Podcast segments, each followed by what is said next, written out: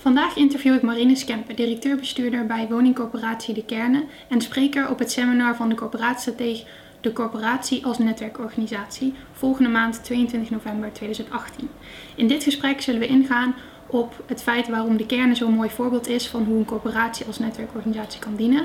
En zal Marines uitleggen uh, hoe De Kernen deze ontwikkeling heeft doorgemaakt en wat, ze, wat anderen hiervan zouden kunnen leren.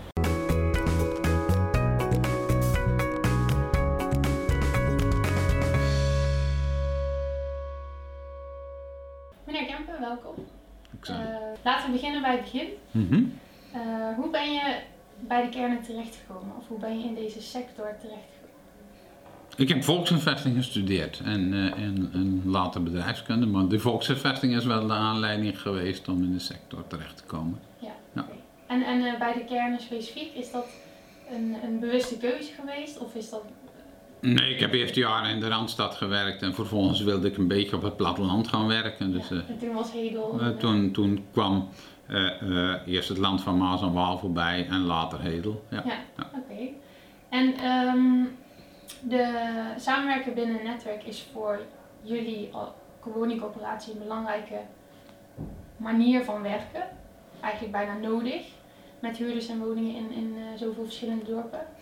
En um, hoe is die ontwikkeling ooit gestart? Was u bij het begin, daar, was u bij het begin daarbij? Ja. Of?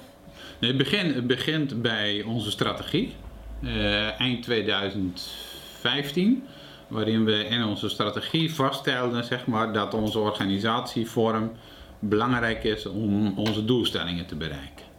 En daar hebben we gekozen voor de netwerkorganisatie. En eigenlijk vanaf nou, begin 2016 zijn we dat ook echt actief gaan ontwikkelen. Terwijl we uh, uh, de jaren daarvoor al wat pilots hadden gedaan om anders te leren werken. Ja, en, en die doelstellingen, uh, in jullie ogen, die dan was het echt nodig om een netwerkorganisatie te worden om die doelstellingen te kunnen halen? Ja, je ziet, je ziet dat wet en regelgeving is in die periode heel erg veranderd. Dat gebeurde bij ons, maar dat gebeurde, gebeurde ook bij gemeentes en bij zorginstellingen. Um, en, en wij werken natuurlijk in een heel groot gebied, 36 dorpen en, en 6 gemeenten. Ja. Um, ja, en dan heb je heel veel partners. En heel veel van de oplossingen die je zou willen realiseren, die kan je niet alleen.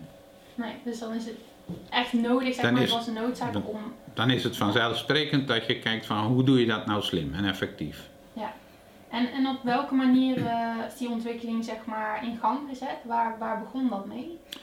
Eigenlijk begon dat. Ik heb gekeken naar welke twee elementen nou uh, bepalend zijn voor het, het kunnen veranderen. En, en dus gezocht naar de hefboom in de organisatie. En dat zat hem in, in uh, uh, coachend leiding geven. En dat zat hem in het, het verantwoordelijkheden veel meer bij medewerkers laten. En daar, daar zijn we dus, één, hebben we een grote coachtraining ge, gestart met heel veel medewerkers, ook in een light variant. En, en uh, we hebben het MT afgeschaft.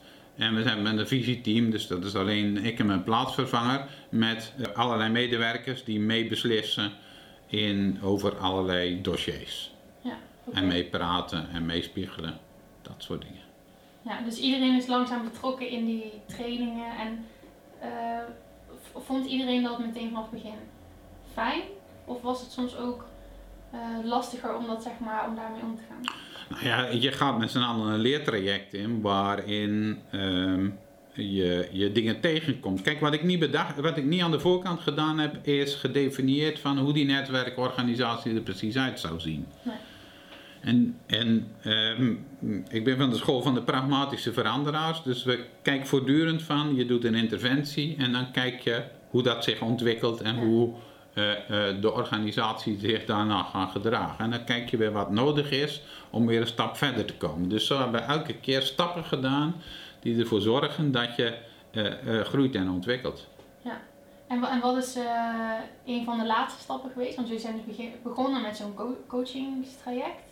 En wat is nu, zeg maar, zoveel jaar later dan een van de latere stappen geweest? Nou, wat, we- wat we, wat we eh, eh, recent nog of, of van de winter gedaan hebben, is de, de belbinderrol nog eens een keer met iedereen doornemen. Dus als je teams samenstelt, dat je kijkt naar goh, welke kwaliteiten laat je nou in het team aanschuiven. Ja.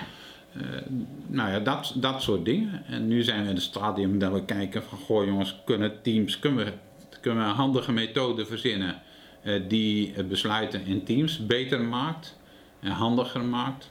Nou ja, zo zoeken we elke keer naar wat nodig is om het, eh, om het beter te doen. Oké, en, en wat, ehm, wat is een onderdeel of, of een eh, aspect waar jullie nu zeg maar nog het liefst in zouden doorgroeien? Ja, wat het meest ingewikkelde is, is dat je, dat je als, eh, eh, als organisatie zelf wel heel erg in kan richten als netwerkorganisatie. En dat je ook wel heel erg afhankelijk bent van al die partners die je hebt, eh, hoe die omgaan met verantwoordelijkheden en bevoegdheden. Ja. En hier zijn de lijntjes heel kort en kunnen medewerkers heel veel keuzes maken en heel veel besluiten nemen. Maar op het moment dat dat bij de buren niet kan, dan zie je dat eh, de snelheid die we in huis winnen, je, je buiten soms Ja, eh, weer, weer verliest. Of, of in ieder geval eh, minder versnelt. Oké, dus dat is iets waar jullie nog, mee moet, nog meer moeten mee leren omgaan eigenlijk. Ja, dan moet je, dan moet je als, als organisatie zelf mee om leren gaan. En je hoopt natuurlijk dat je partners ook de lol gaan zien van, van die versnelling Ja, die mogelijk is en die efficiëntie. En het veel creatiever komen tot nieuwe oplossingen. I- is dat al, eh, is die inspiratie al doorgegeven? Ja, wat we in het begin gedaan hebben, is, is bij verschillende gemeentes en, en, en eh, partners hebben we eh, trainingen gegeven over van, goh, hoe kan je nou pilots doen? En, en we zijn nu aan het kijken van, goh, hoe kunnen we nou weer partners inspireren om vergelijkbare manier van werken te, te, Ja. Over te nemen, zou ik bijna zeggen. Oké, en ehm, stel nou, eh, jullie zouden dit traject of het idee van oké, we willen een netwerkorganisatie Mhm. worden, eh, opnieuw kunnen starten. Zou je dan iets kunnen noemen wat, wat, wat anders zou, eh, zou moeten zijn gegaan? Of wat, eh, wat, wat jullie anders hadden kunnen doen?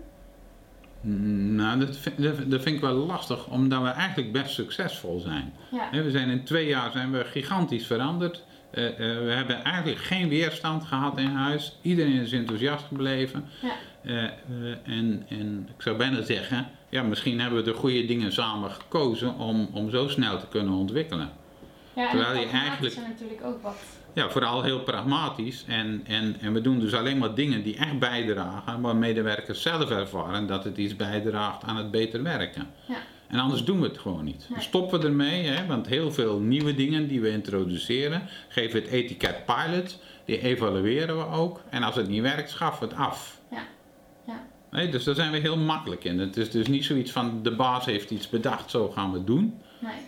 Eh, eh, we bedenken samen een oplossing. En als de oplossing niet werkt of de oplossingsrichting niet werkt, dan doen we dus iets anders. Oké. Ja, interessant om als pilot eh, Ja, daar in eerste instantie mee te beginnen. Zou dat ook ehm, een, een tip zijn voor andere corporaties? Ja je, zou, je, je kan dus heel veel dingen in pilots organiseren, waardoor het allemaal veel minder spannend is. Ja, Want als het niet werkt, dan heb je als bestuurder ook geen fluit aan om, om, het, om het door te zetten. Nee. Of het moet je kindje geworden zijn, maar dat is niet zo handig. ja en, dan, en dan durf je eigenlijk niet meer terug te draaien. nou ja, precies. Dat is, dat is de grootste valkuil. eh, eh, van als je een goed idee hebt en het goede idee werkt niet, ja, dan moet je vooral stoppen. Ja, ja, En die keuze maken wij elke keer. Gewoon afwegen, werkt het of werkt het niet? En moet er nog iets bij? Wat kan er wel helpen dat het werkt? Of we stoppen ermee. ja. En zo hou je inderdaad die snelheid. Ook al heb je soms als een pilot niet werkt, Ja. dan moet je die eh, schrappen. Dan hou je die wel. Ja, maar medewerker, medewerkers gaan er ook in geloven, doordat ze zelf ervaren dat je alleen maar de dingen doet die iets bijdragen aan een andere manier en betere manier van werken. Ja, En niet van, goh, we gaan, de baas heeft iets bedacht, een veranderd trajectje, en ik geloof er niet in. nee. Nee, want bedoel, vroeger ging het toch ook goed? Nou, dat, dat bestaat hier niet. Nee. I- Iedereen staat ervoor open Ja. en dan hebben ze dat ook Ja. geleerd nu door. Ja. eh, ja. Oké, heel mooi. En wat zou jou het grootste verschil zijn met een huurder die eh, binnenkomt bij een woningcorporatie die nog niet zo ver is als netwerkorganisatie of die daar nog helemaal niet mee begonnen is. En als een huurder bij jullie binnenkomt met vragen of, of, andere zaken. Hoe, Ja, ja, ik zou bijna zeggen, moet je aan onze klanten vragen. Maar een belangrijk verschil is denk ik dat, dat eh, eh, we een heel groot netwerk hebben. Dus dingen die we achter de voordeur zien. Dus heel erg snel richting de goede medewerker gaat. Ehm, en, en, en naar onze partners gaat van, hé hey jongens, er is iets aan de hand. Eh, eh, kan je daar eens even langs gaan? Ja. Hè, dus we, we, we, we- ja, in die zin ziet een servicemonteur ziet iets, eh, legt dat door naar een woonconsulent, die pakt zijn netwerk op. en dan gaat iemand van woonmaatschappelijk werk of van, van wie dan ook, die gaat gewoon even kijken van hey, wat is daar aan de hand en moeten we daar iets mee. Ja, ja. Dus zo ben je veel dichter op probleemsituaties en kan je ook veel beter oplossingen bieden. En kan je als huurder ook inderdaad sneller geholpen Ja, worden. Ja, precies. En je ziet het ook wel een beetje terug in onze, onze klantgerichtheidscijfers, die alleen maar naar boven gaan. Ja. En die al jaren heel hoog zijn. Dus het werkt wel.